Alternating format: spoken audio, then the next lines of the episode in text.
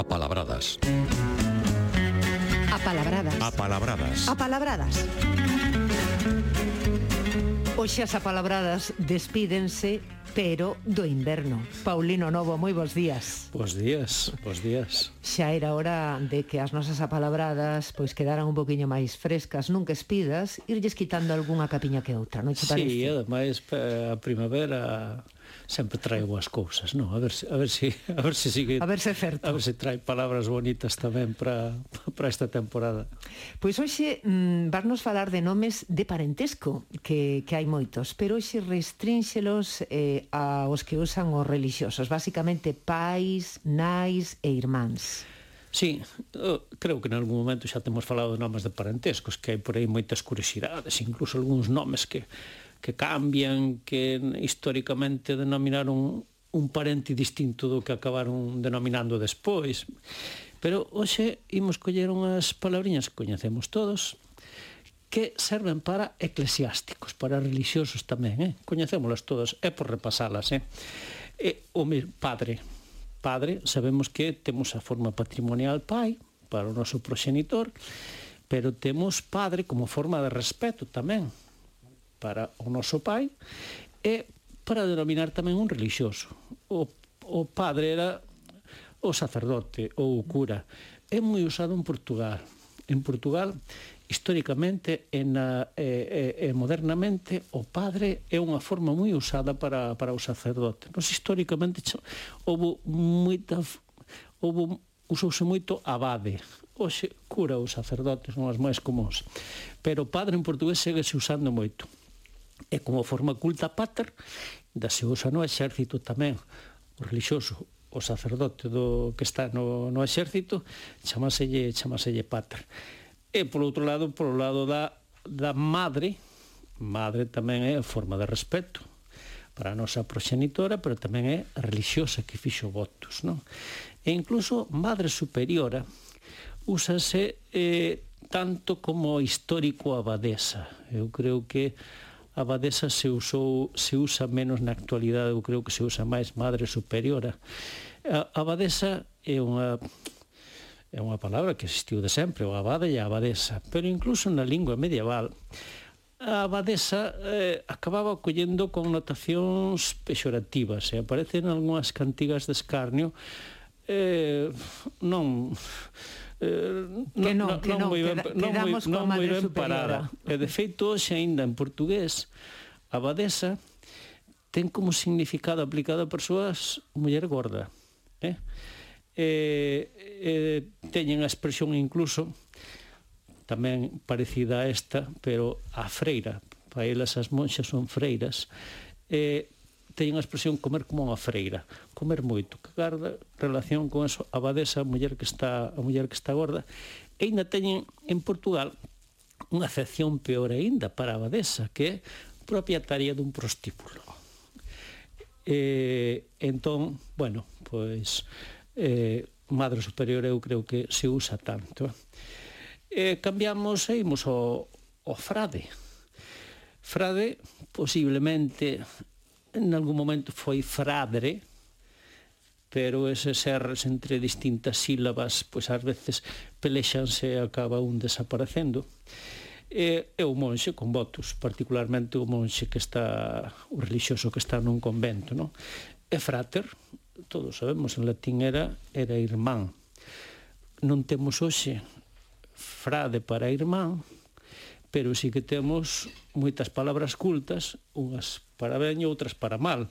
Fraternal, que é como un irmán de bon, ou incluso para mal tamén, hai fratricida, non? Palabras que usamos deste, deste frater. Eh, eh, que era a palabra, bueno, usada en latín para, para o irmán, eh? e tiña un derivado en latín que, que, que chama atención, tamén figurado, pero, pero, pero bonito, por eso o recollo o derivado fraternus aplicábase ao boi que facía parella de xugo con outro boi. Era, eran irmáns, os dous irmáns, un contra o outro, un era fraternus do outro. Eh? Mira, mira que aplicación, mira aplicación bonita. Os dous bois que van eh, no mesmo xugo, comparten xugo, son fraternus. Eh? Eh, hai, ademais de, de, de frade, hai outras palabras, outras evolucións da mesma palabra, como freire, por exemplo, que temos en galego, pero quedou reducido prácticamente a, a apelido. En Asturias teñen o freiro, que é o que pides mola para un santo ou que garda a chave dunha igrexa. E en portugués, como dixen antes, úsase para a religiosa, que nos temos sobre todo a palabra monxa, eles usan freira. Eh? E outro irmán, é a palabra irmán que se usa tamén como relixioso, eh? tratamento a un relixioso de algunhas, de algunhas comunidades. Non? E esta palabra é curiosa porque non significaba, en latín tiñan frater. E esta palabra tómase dunha palabra que tiña en latín que era germanus, que significaba como adxetivo natural ou auténtico, ou que ten afinidade. Eh? É unha palabra derivada de outra que coñecemos latina que é germen, eh, que é brote, que é o, o, o, o xermen, o xermolo. Eh? Incluso tiña acepción tamén de, de fillo, non? como xerme, como descendencia. E, e, e como sustantivo incluso un irmán carnal, podía ser tamén. Este Germanus seguramente é unha reducción dunha expresión que, que habería en latín, que sería frater germanus, o irmán auténtico, un irmán verdadeiro. Pero, bueno, ese germanus pois, foi foi substantivizándose e de ser hermanos é de onde temos a palabra irmán. Por eso tanto frade como irmán. E acabo xa coa última, breve. Sí, porque estaba estouche prestando moita, moitísima atención porque calquera interrupción nesta explicación pode, no, pero... pode levar o traste. No, seguro que mellora. calquera intervención túa mellora. Estaba pensando na, na figura do pater, pater familias. Sí, sí, tamén, no. claro, claro. Sí, sí, ao, ao final acabamos estas palabras, usámolas, usámolas moitísimo mesmo. Dicía que acababa xa coa última co, con sor, non? Con sor que é irmá tamén, do latín soror, que era a irmá, irmá carnal. E entón, bueno, pois pues mira, aí temos sor tamén, outro nome de parentesco. Que me faz lembrar a min a Sor Aránzazu. Sí. tempo atrás, moito tempo atrás. Seguimos, eh, Paulino. Unha fusta é unha vara para facerlle correr a un cabalo. Pero esta palabra ten máis historia detrás. Significa, incluso ata pode significar barco. Elévanos a un, a un significado antigo xeral de, de madeira que hoxe non temos nin para fusta, nin para fuste. Así que, se che parece, imos lle dar un repaso a esta palabra. Sí, xa verás, xa verás que coñecemos, dá, dá, dá para bastante esta palabra e, coñece, e coñecémola moito, pero algunhas cousas ao mellor non de todo. A palabra original é fuste. Fuste que significa a madeira, concretamente a madeira dunha árbore, tamén leña, tamén unha columna. Úsase moito hoxe a palabra fuste, unha columna que propiamente era unha columna de madeira. E incluso fuste tamén é un bocoi, un bocoi de madeira. Eh? E incluso máis particular pode ser unha especie de pinza de madeira que se usaba para coller as castañas e sacalas do ourizo para non picarte. E lembro tamén, Paulino, que hai pouco nos explicabas que convocou e tamén se podía facer referencia a unha persoa con, con sobrepeso, sí, con moitos sí, kilos. Sí, tamén, tamén, sí, tamén. Sí que repasamos, hai poucos días que repasamos as palabras que había para eso. Pois fuste, fuste é outra, eh? En a lingua medieval xa había fuste, pero con ese significado que ti apuntabas. No significado xeral de madeira, tamén fuste era unha vara ou era un pau, E fusta, en feminino, na lingua medieval, significaba barco. Metonimia, se fuste a madeira, fusta por metonimia, un barco de madeira, pois era era fusta. Eh? E vendo unha palabra latina que, ah, de libro, fustis, que xa tiña este significado, bastón, pau, vara.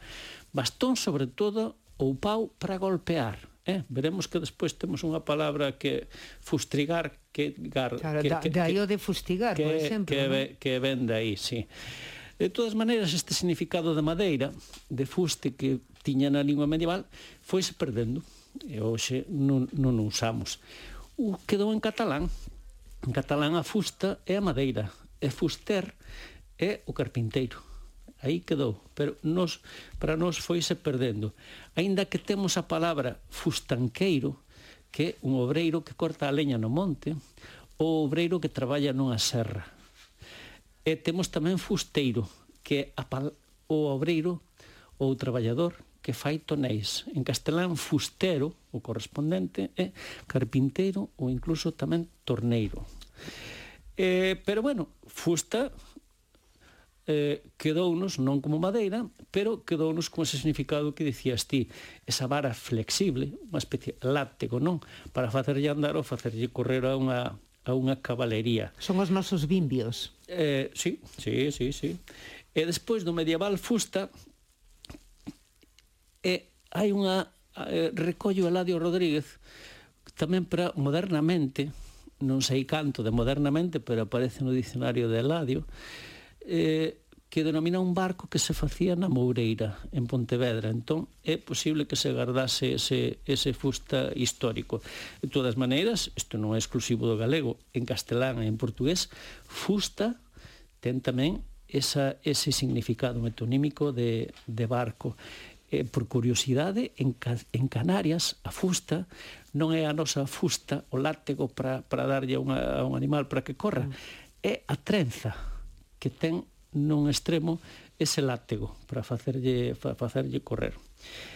E, como, de, como anunciábamos antes, en latín deste fustis, pois derivou un verbo que era fustigar, que golpear cun pau ou golpear cunha vara.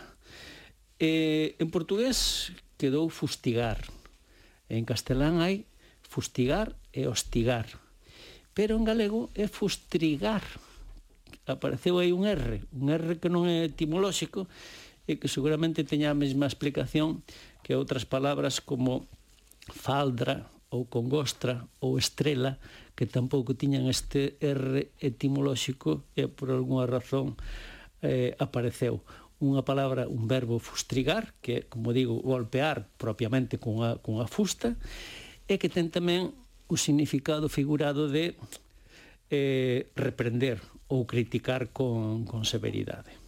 Pois logo desta explicación tan, tan detallada, temos que sair ao rescate, eh, e non precisamente dese barco ao que facíamos referencia, sino ao rescate da palabra da, da semana, que hoxe ademais eh, imos referirnos a un labor agrícola. É a palabra debullar, aínda que hoxe tamén debullamos noticias. Eh, que significa propiamente? Sí, hoxe debullar, a palabra... A min, a min gustame moito esa sí, palabra. Sí, sí, sí. Además, é eh, expresiva, eh, non hai moito que explicar eh, e a eu, eu creo que é unha palabra que empezamos a usar nos medios de, nos, nos somos algo culpables os lingüistas que, que empezamos nestes medios de comunicación públicos e eu creo que é cousa nosa o de debullar nese sentido. Debullase algo máis comigo. Sí, sí, debullar a información, sí.